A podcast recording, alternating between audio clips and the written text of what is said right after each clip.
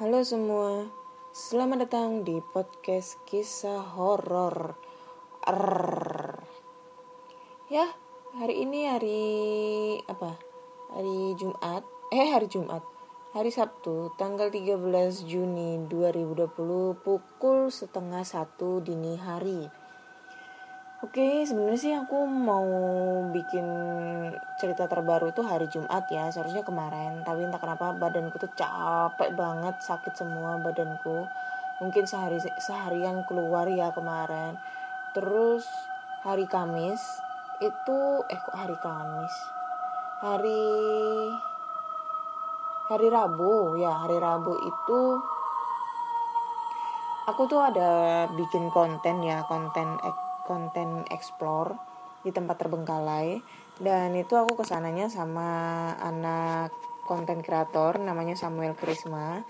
Sebenarnya sih dia udah bikin kon uh, apa ya aku bikin konten sama dia itu di salah satu rumah terbengkalai di sidoarjo. Cuma itu kontennya dia.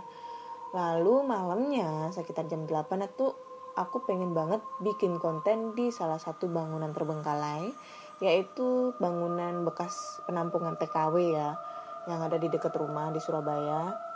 Dan itu pengennya tuh bikin apa ya konten sendiri di sana explore. Karena memang aku dari dulu pengen banget explore di sana. Dan pada saat itulah kesempatan aku yang ada. Nah lokasinya ini ada di pinggir jalan raya. Terus aksesnya untuk masuk ke dalam itu lumayan juga nyeremin ya karena banyak tanaman rimbun yang otomatis kemungkinan bisa ada ular juga. Lalu masuknya itu harus manjat pagar. Jadi ada pagar jeruji, masuk habis itu ada bangku kayak apa ya badukan itu, bangku yang dari semen itu. Lalu ditutup pakai pintu besi. Jadi pintu besi yang polos yang ketutup. Cuma di atas itu ada kisi-kisi yang kebuka jadi akses aksesnya kita masuk itu manjat dan masuk kisi-kisi itu. Tadinya aku tuh mau explore sendirian bikin konten sendirian. Karena seperti biasa aku kalau bikin konten explore adalah solo. Jadi solo explore masuk ke dalamnya. Cuma niatnya itu juga pengen ngajak mereka gitu. Ya udah masuk semua. Cuma aku maksudnya masuk nanti nunggu di area depan aku masuk ke dalam setelah selesai aku bikin konten baru kita mungkin dia pengen uh, bikin konten di sana dengan collab gitu atau mungkin dia bikin explore sendiri gitu kan. Niatku kan kayak gitu. Ternyata dia nggak berani masuk ke sana. Dia nggak berani dan alhasil oke okay lah akhirnya aku masuk ke sana sendirian. Udah masuk opening bla bla bla bla. Hai re yo apa kabar terus habis itu aku masuk ke dalam lewat pintu habis itu nyampe di dalam itu suasana menurutku biasa aja ya. Cuma pas aku udah di dalam itu aku udah ngeliat suasananya itu banyak banget ranjang-ranjang ranjang susun yang kayak di asrama-asrama gitu ya. Kalian pernah tahu nggak sih ranjang susun yang terbuat dari besi? Bukan kayu loh ya besi. Itu tuh banyak terus ya sekitar ada 20 20-an ranjang lah habis itu nggak lama kemudian ada kayak suara nyik nyik nyik nyik gitu. Kayak apa ya? Kalian tahu kayak spring bed? Spring bed itu biasa itu kan dalamnya ada pir. Nah kalau misalnya pirnya udah karatan itu kalau kita lompat-lompat lompat-lompat di atas spring bed itu kan pasti bunyi kan? Bunyi nyik nyik nyik kayak gitu deh. Padahal kalau kalau misalnya bunyi kayak gitu kan pasti ada yang nginjek kalau tikus nggak mungkin nginjek. Karena tikus kecil kan. Dengan dia nginjek di kasur beban nggak bisa neken si pir tersebut. Udah gitu aku explore explore nggak lama kemudian bateraiku lowbat. Tinggal sekitar 5% lah. Nah ini kan nggak nggak memungkinkan aku untuk uh, kembali mengeksplor. Karena biasanya aku kalau explore itu medianya video pakai HP kan? Ya udah aku balik dong. Aku balik niatnya aku mau minta tolong mau pinjem power bank gitu kan sama ngambilin USB ku. Tapi pas aku keluar dan aku bilang hei rek rek rek aku bilang gitu kan. Teman-teman teman-teman aku mau pinjem power bank dong gitu kan. Temenku si Samuel sama temennya dia itu langsung teriak nyuruh aku untuk keluar segera dari lokasi itu. Karena bisa ditahu katanya sih ya si Samuel sama si temennya ini mempunyai kelebihan khusus bisa melihat hal-hal yang tak kasat mata seperti itu.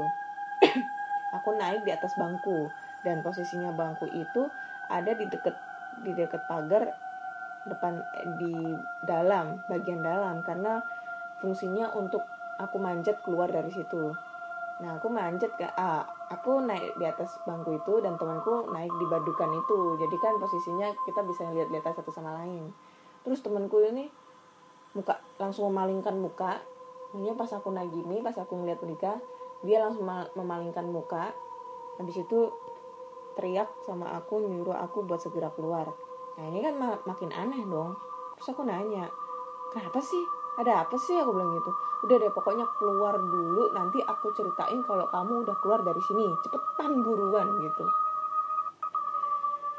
Ya udah mau nggak mau aku harus keluar dari situ supaya mereka nggak panik juga. Atau juga bateraiku lowbat banget. Kalau pernah aku minjem pasti nggak dipinjemin kan. Ya udah aku akhirnya keluar. Keluar dari lokasi itu nyampe di depan mereka cerita. Kalau si Samuel dan temennya ini ngeliat beberapa penampakan yang ada di dalam situ. Yang pertama katanya pas aku lagi uh, opening di depan mereka kan ngeliat maksudnya ngeliat dari dari luar gitu kan kan kelihatan gitu kan dari atas. Nah di dalam situ kan di di area terasnya itu luarnya itu ada rombong gerobak gerobak jualan asongan gitu kan. Nah di situ mereka ngelihat katanya ada sesosok pocong yang sedang duduk di dekat gerobak itu. Karena memang di di dekat gerobak tersebut ada bangku kosong gitu kan bangku yang terbuat dari kayu gitu. Terus pas aku keluar mereka manggil aku. Pas aku naik ke bangku untuk melihat mereka tapi posisinya aku masih di dalam dia melihat ada sesosok kuntilanak yang berada di belakang punggungku kayak sedang ngelendotin gitu ya apa ya bahasanya itu? Kayak ngerangkul dari belakang. Dan posisinya itu nyengir nyengir di hadapan mereka. Dan dia e, si kuntilanak ini tingginya itu melebihi dari tinggiku gitu. Jadi pas temanku ini lagi berdoa menurut keyakinannya dia waktu itu waktu dia ngeliat aku makanya dia langsung berpaling gini kan. Mukanya langsung berpaling itu dia tuh ngeliat si kuntilanak itu kayak ngejek temanku lagi berdoa. Kayak nyengir gitu terus abis itu kayak melet-melet gitu deh. Pokoknya dia ketakutan akhirnya dia pergi dari situ dan nyuruh aku supaya cepetan keluar dari situ. Dan pas nyampe di dalam mobil dia langsung menggambarkan ilustrasinya dan ngirimin gambarnya itu ke aku. Dan jika kalian penasaran dengan gambarnya kalian bisa langsung cek aja uh, gambarnya udah aku posting di Instagram podcast kisah horor kak. Coba menurut kalian itu real atau bukan? Dan aku masih penasaran banget dengan lokasi ini. Kemungkinan besok atau lusa aku bakal explore tempat ini mungkin aku berangkat sendiri aja deh. Soalnya kalau berangkat sama temen kayaknya ribet banget. Jadi kemungkinan aku akan berangkat ke sana dan explore tempat itu supaya rasa penasaranku tentang lokasi tersebut hilang. Wih, mantap kan? jadi tungguin aja uh, videonya. Yang insya Allah minggu depan bakal tayang gentayangan di channel YouTube kalian. Eh channel YouTube kalian di channel YouTubeku yang akan bak bakal kentayangan di pemberitahuan notifikasi kalian. Wih mantap. Jadi doain aja ya semoga kondisiku kembali fit lagi seger lagi karena emang jujur capek banget. Tanganku tanganku sakit semua karena memang kayaknya efek ini ya naik pagar itu karena wih sumpah tinggi banget sekitar 3 meteran lah pagarnya itu. Oke, okay, teman-teman kali ini aku akan membacakan cerita horor email berhantu yang sudah dikirimkan teman-teman melalui podcast kisah horor at gmail.com ataupun di DM Instagram Anna Olive. atau DM Instagram podcast kisah horor. Jadi bagi kalian yang belum follow Instagram podcast kisah horor, segera kalian follow Instagramnya. Bantu follow ya, jangan lupa di like like like like semua. Soalnya followersnya masih dikit. Dan ini udah nggak seberapa noise lagi ya suaranya ya, nggak kresek kresek kresek kresek. Apa ya kayak suara gitu deh, apa deh. Soalnya banyak banget kemarin yang protes buat nyuruh aku beli mic mikrofon supaya suaranya nggak noise lagi. Jadinya nggak terganggu mereka buat ngedengerin. Dan ini udah beli nggak tahu ini uh, berfungsi apa enggak semoga aja berfungsi. Hehehe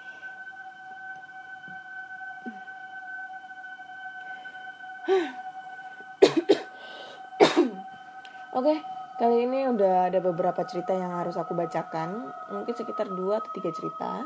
Dan cerita pertama datang dari email. Langsung aja kita bacakan ceritanya. Cerita pertama datang dari Tia. Judulnya Cerita Bandung. Halo Kak Ana, halo podcast kisah horor. Perkenalkan nama aku Tia.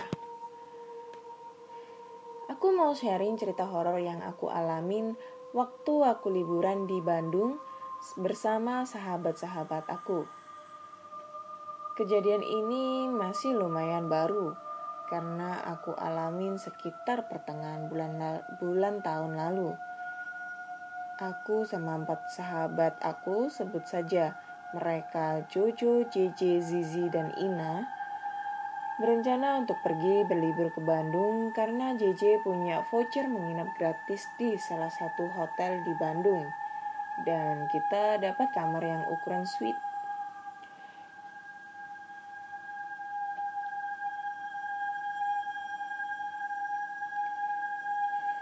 Pastinya kita semangat banget. Dapat voucher gratis dan kamarnya ukuran ukuran suite pula. Menjelang hari H, ternyata mobil Ina mendadak gak bisa dipakai dan akhirnya Ina batal ikutan. Tapi karena Jojo, JJ, dan Zizi udah ngebet banget pengen liburan, jadilah mereka tetap ngotot ke Bandung pakai travel. Yang akhirnya kita berangkat cuma berempat.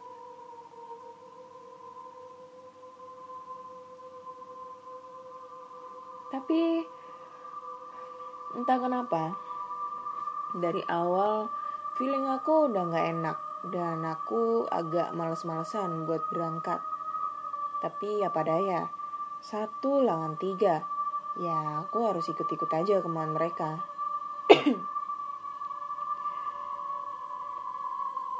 Di sini keganjilan dimulai. Kita datengin travel dekat kawasan Jojo. Ternyata travelnya cuma sisa tiga bangku. Tapi kita tetap waiting list, berharap ada yang cancel. Eh, ternyata nggak ada. Kita coba uh, kita coba telepon travel yang lain. Lagi-lagi cuma sisa tiga bangku. Tetap pantang menyerah kita cari lagi travel yang lainnya. Tapi kita coba telepon dulu. Kata mas-masnya ada sisa empat bangku. Tapi yang satu udah di booking, cuma orangnya nggak ada kabar. Ya udah, kita pikir ah paling juga nggak jadi nih orangnya. Ya udah, akhirnya kita cabut ke travel tersebut. Eh, apesnya, tiba-tiba udah last minute yang book udah last minute yang booking jadi datang dan lagi-lagi cuma tiga bangku yang tersisa. Perasaan aku makin gak enak aja. Kita berempat udah ngomongin keganjilan soal bangku. JJ dan Zizi juga mulai parno, tapi mereka tetap excited banget buat pergi. Akhirnya Akhirnya kita waiting list lagi buat travel yang sekitar jam 6. Finally kita dapat bangku juga dan akhirnya berangkatlah kita ke Bandung. Sesampainya di hotel, Jojo mulai ngerekam kegiatan-kegiatan kita di sana pakai kamera SLR-nya. Pas nyampe kamar, kita playback videonya. Anehnya, di beberapa spot yang kita rekam gambar di video, getar-getar dan muncul garis-garis putih kayak ngerekam sesuatu. Tapi kita stay positif aja Mungkin kameranya nggak bener, tapi Jojo bilang kalau selama ini kameranya fan-fan aja dan nggak pernah kayak gini. Malamnya, sepupu sahabatku sebut aja Fai dan pacarnya Mia datang ke kamar kita buat main dan ngajak kita jalan-jalan. Akhirnya kita pergi nongkrong dan pas di jalan pulang kita mutusin buat beli minuman dan kacang. Sesampainya di kamar hotel, kita mulai minum, makan kacang sambil main kartu dan nonton bola. Mia mulai cerita-cerita hal serem tentang kejadian-kejadian di Bandung dan hotel tempat kita nginap.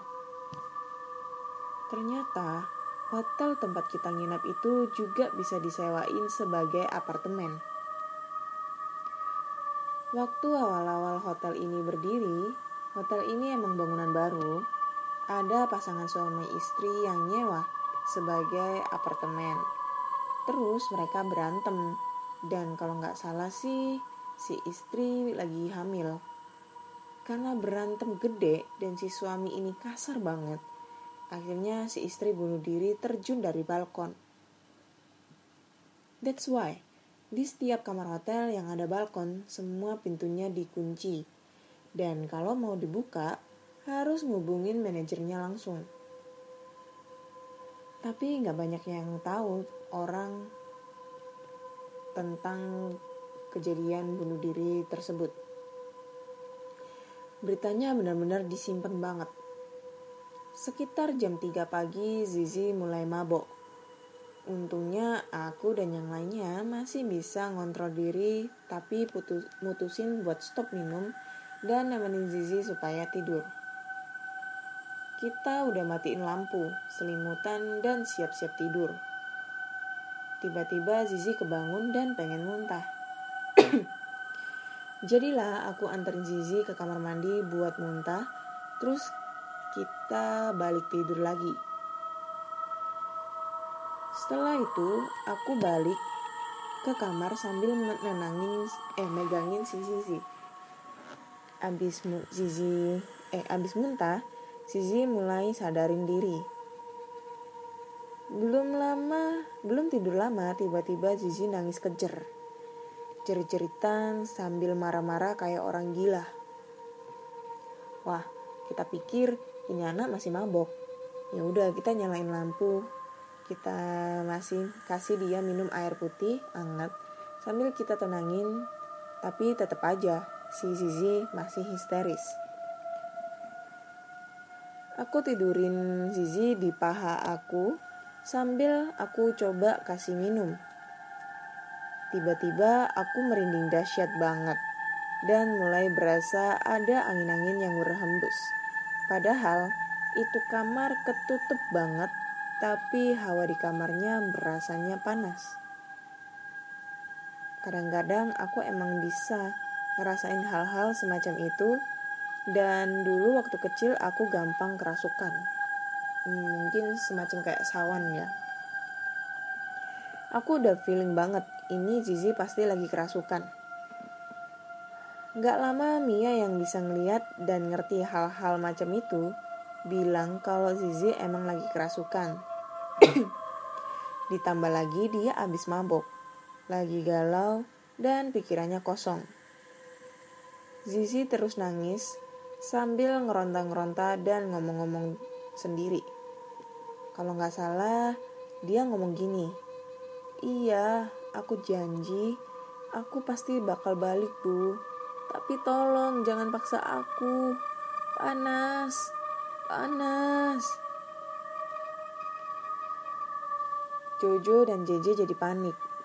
Aku yang megangin Zizi habislah dicakarin sama Zizi. Tapi aku terus mijit jempolnya sambil baca-baca doa dan aku suruh Zizi buat istighfar. Mia bacain doa ke minuman terus ngasih Zizi minum. Habis itu Mia ngomong sendiri kayak lagi ngomelin orang gitu. Gak lama suara azan subuh kedengeran. Zizi mulai tenang. Dan akhirnya dia tertidur pulas. Kita yang udah cap pada capek akhirnya ketidur, ketiduran juga. Paginya kita tanya Zizi apa yang dia rasain tadi subuh. Dia bilang dia disamperin ibu-ibu yang minta tolong sama dia, terus minta dia janji buat balik lagi ke hotel itu, tapi gak jelas minta tolong buat apa. Terus dia juga lihat kakek-kakek dengan wajah pucat yang seram. Katanya kakek itu mau jadi temannya dia. Di situ juga ada anak kecil, terus ada juga cewek pakai baju putih kumel dengan bercak darah, rambut panjang kusut acak-acakan. Muka an mukanya ancur, melotot sambil senyum menyeringai. Ditambah ada pocong pula. Wah, ramai banget deh isi kamar itu. Oh iya, Zizi emang bisa ngeliat juga. Dan dulu emang dia sering kerasukan. Ibunya Zizi seorang muslimah yang biasa sering ngedoain orang, musir jin dan sebangsanya. Pantas aja dari awal aku udah ngeris, ngerasa feeling gak enak. Terus subuh, pas subuh-subuh itu aku merinding dahsyat dan ngerasa hawanya di kamar jadi panas banget. Apalagi dari kejadian travel yang selalu sisa tiga bangku yang ternyata bakal ada kejadian gak enak yang dialamin Zizi. Yang untungnya bukan aku yang kerasukan. Oke kak, cukup sekian dulu cerita aku kali ini. Mohon maaf jika kepanjangan. Best regards. Oke, terima kasih Kak Tia buat ceritanya. Hmm. Jadi kesimpulannya ya untuk pesan moralnya itu kalau lagi di mana pun kalian berada entah itu di hotel, entah itu di gedung, entah itu di kantor apa segala macam. Berbuatlah sopan santun, maksudnya sopan santun itu nggak usah aneh-aneh deh, nggak usah bikin keributan, nggak usah bikin hal-hal yang tidak disukai dengan oleh mereka. Soalnya kan ini kan si si Tia dan gerombolannya itu dia lagi pesta lah lagi pesta kobam gitu deh di sana. Dan akhirnya membuat malapetaka buat dia dan teman-temannya dan juga emang kayaknya sih emang udah dita dikasih kasih apa ya udah dikasih petunjuk seharusnya mereka nggak berangkat gitu deh. Dengan adanya si si mereka ini pesen travel yang adanya cuma tiga bangku tiga bangku tiga bangku terus gitu deh. Dan mungkinan ini hotel juga berhantu jadi ya itu deh. Aku ingetin sekali lagi walaupun entah kalian pergi ke mana kalian berangkat ya kalau bisa berdoa pamitan sama orang tua dan kalau misalnya kalian lagi stay di tempat tempat baru gitu ya jangan suka kasar. Maksudnya jangan mengotori jangan ngomong kasar sopan santun terus jangan berbuat hal-hal yang aneh di sana gitu ya supaya kita semua selamat dan dilindungi Allah Subhanahu taala setidaknya sih itu peringatan sih kayak apa ya ngasih ngasih hukuman lah buat kita supaya tidak nggak aneh-aneh gitu ya Oke, makasih Tia buat ceritanya. Kita lanjut ke cerita berikutnya. Ntar dulu, ini aku tandain dulu biar nggak bingung.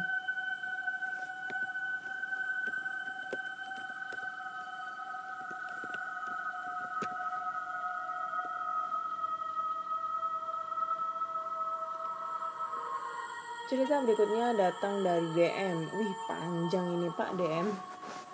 Sumpah. Apa ya? Namanya dia itu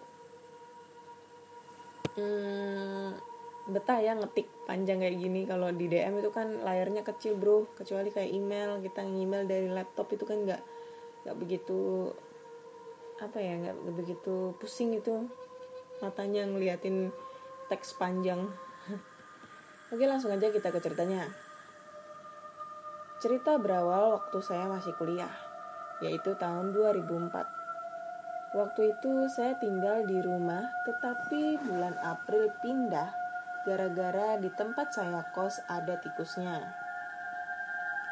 Setelah pindah, saya menemukan roommate untuk tinggal eh, untuk tem untuk tinggal baru di dua kamar apartemen. Teman saya bernama Roni yang akan tinggal bareng bersama saya. Apartemennya saya sebut Wilson F karena itu nama jalannya. Oke, Wilson F ya. Wilson Ave gitu deh. Jadi mungkin kalian yang rumahnya daerah situ pasti tau lah apartemen apartemennya di mana. Hmm, ceritanya nanti berawal dari perkenalan, penampakan, dan akhirnya perpisahan. Pada, pada bulan April 2004, saya pindah ke apartemen baru bersama teman saya yang satu kampus bernama Roni. Kita mengambil jadwal kuliah yang sama. Kebanyakan kuliah dimulai pada pagi hari yaitu jam setengah sembilan pagi. Biasa kita berangkat bersama jam 8 pagi dari rumah. Karena dia membawa mobil dan saya tinggal satu rumah, ya enakan kalau saya bisa nebeng. Awal semester kuliah kita eh awal semester kuliah kita bulan bulan akhir April. Ah gimana sih? Ya pokoknya awal semester awal semester dia kuliah itu bulan akhir bulan April gitu deh pada bulan Juni yaitu musim panas atau hampir akhir semester saya lupa hari apa saya bermimpi kalau saya berada di kamar mandi umum bertemu cewek bertemu cewek duduk di atas kloset toilet. Rambut cewek itu panjang. Dia menunduk dan memakai baju putih. Banyak darah banget. Saya bilang lebih mirip Sadako. Ya atau mungkin orang bisa bilang Mbak Kunti. Terbangun dari mimpi itu jam 7 pagi.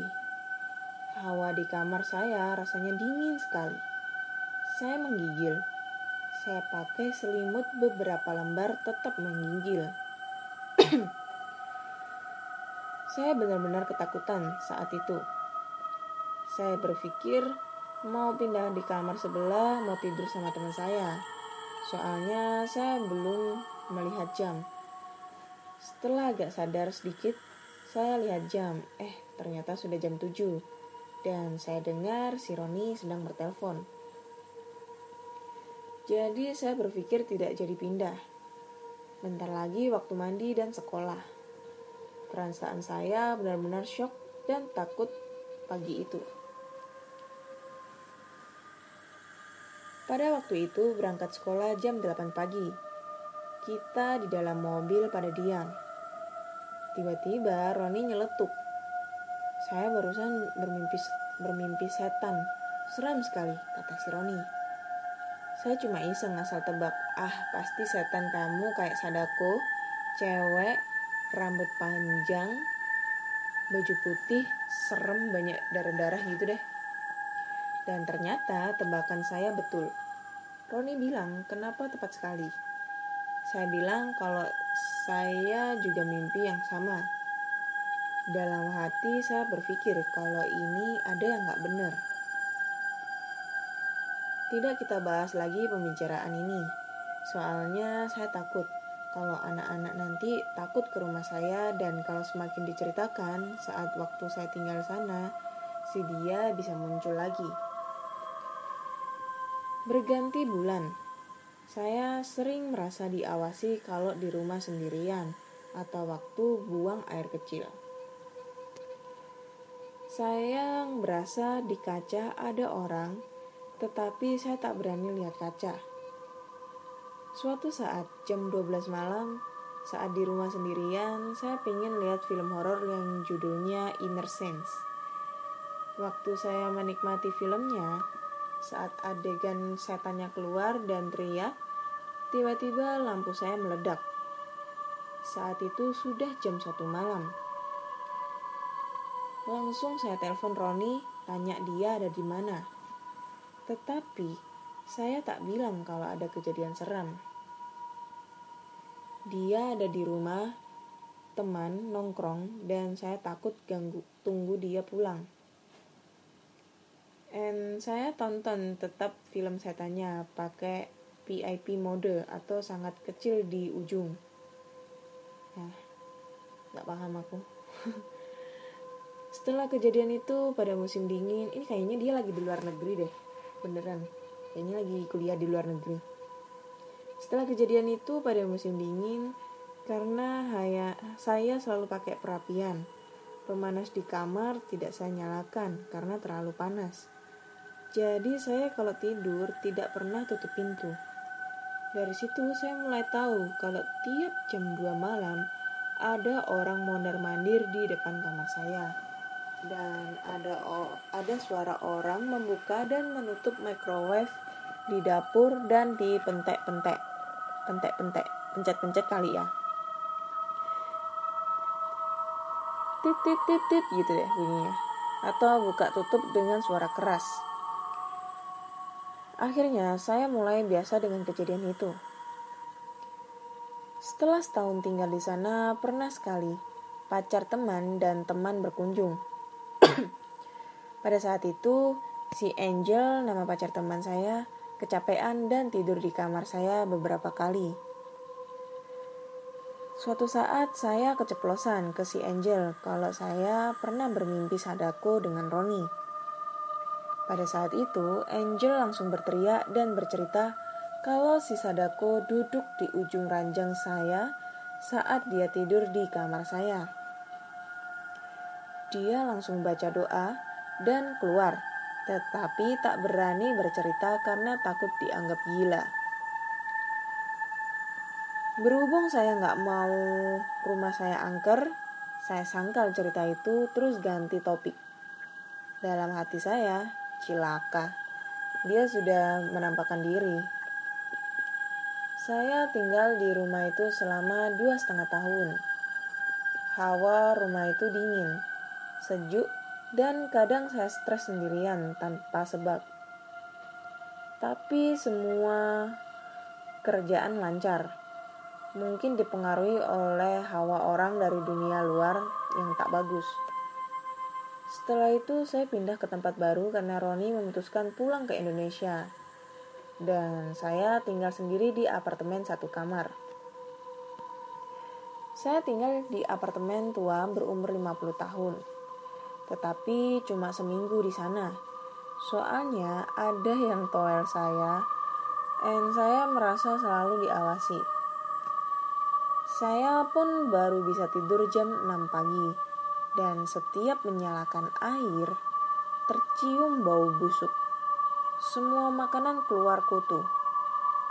Suatu saat, saya pulang ke Indonesia bertemu keluarga yang bisa lihat dan berkelebihan.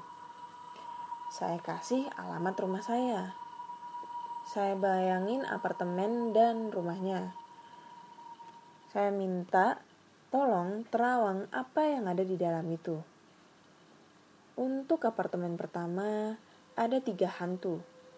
Cewek yang kayak Sadako itu ternyata cantik dan suka melihat saya. Dia tak suka ada cewek tidur di kamar itu ada yang suka jalan-jalan cowok, dan ada yang usil suka mengintip. Yang cewek katanya pernah bunuh diri di tanah itu, sedangkan di apartemen yang satunya lagi itu hantunya jahat. Untung saya cuma satu minggu di sana. Sejak itu kalau saya mau cari rumah, mesti hati-hati lagi. Terima kasih Kak Ana buat ceritanya. Mohon maaf jika ceritaku kepanjangan. Oke, terima kasih.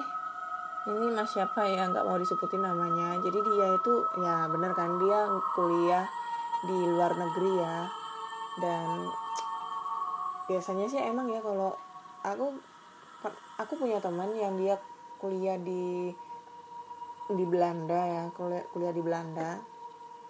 Karena dia dapat beasiswa S3 di sana. Dan dia cerita kalau di sana itu waktu dia kuliah di sana dia masih di sana sih. Dia masih di sana. Dia cerita kalau waktu dia kuliah di sana itu dia tinggal di salah satu apartemen tapi apartemennya itu memang disediain oleh kampusnya gitu kan. Oleh kampusnya atau enggak kalau pihak dari kedutaan RI di sana gitu kan. Dan ternyata di apartemennya itu emang angker dan sering terjadi sesuatu hal yang buruk gitu. Karena memang di situ penunggunya jahat-jahat gitu katanya. Coba sih nanti kapan-kapan kalau ada waktu aku minta buat dia cerita. Oke? Okay? oh, udah menit ke 36 lanjut nggak ya? Lanjut nggak ya? Ini du udah dua cerita dan ceritanya lumayan panjang-panjang nih. Hmm. Oke mungkin kayaknya lanjut ya satu cerita lagi. Ntar ini aku kasih tanda dulu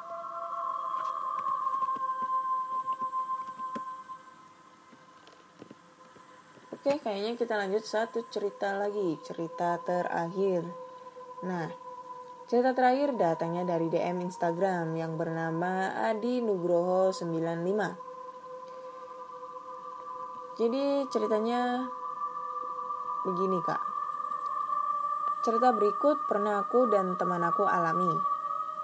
Saat itu sudah tengah malam. Orang tuaku sedang yasinan ke masjid jadi di rumah ada aku dan adik aku saja. Saat itu kalau nggak salah jam 10 malam. Aku sedang teleponan di ruang tamu sambil tiduran.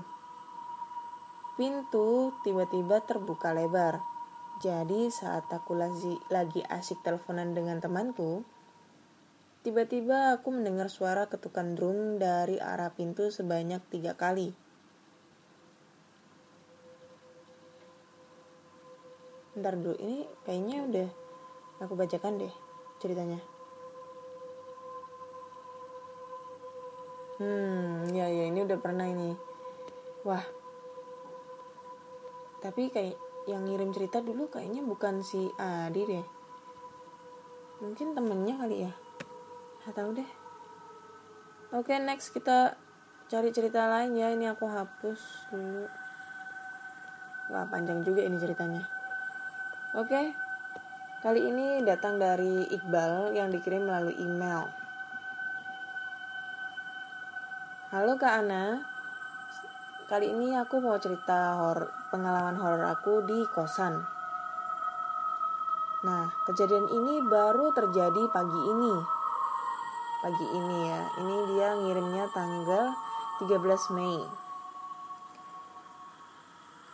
Jadi gini kak, lagi enak-enaknya tidur, pintu kamar ada yang ngetok kenceng bener.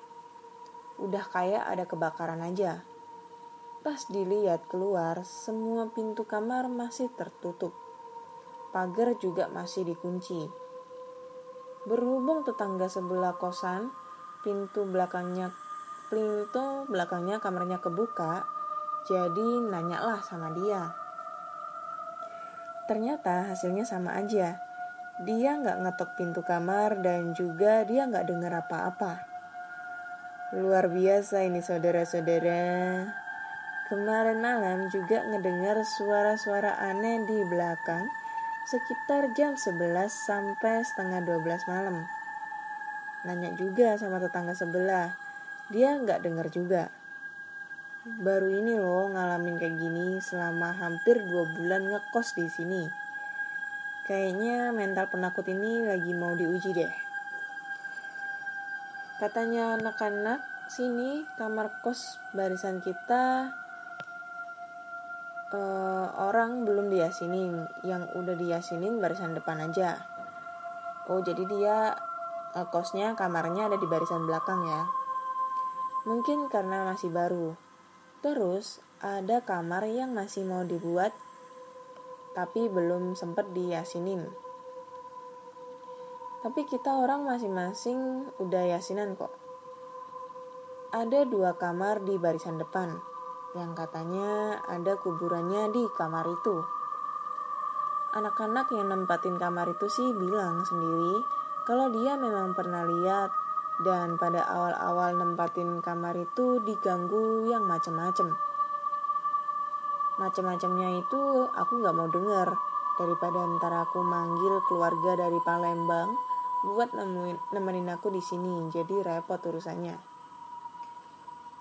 Ada juga anak dari Palembang juga ngekos di sini, nempatin salah satu kamar horor itu curhat sama kita orang. Dia bilang dia sering sakit kalau dia diam aja di kamar nggak keluar-keluar atau nggak main-main. Padahal kalau misal dia main seharian di tempat di tempat temennya, panas-panasan, main ke laut, dia tetap sehat-sehat aja. Entah sugesti, entah apalah ya.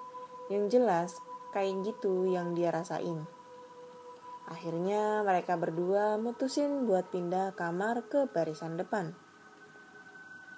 Yang buat seremnya lagi ternyata di rumah kos-kosan, depan kos-kosan kita, ada dua kuburan di tempat itu.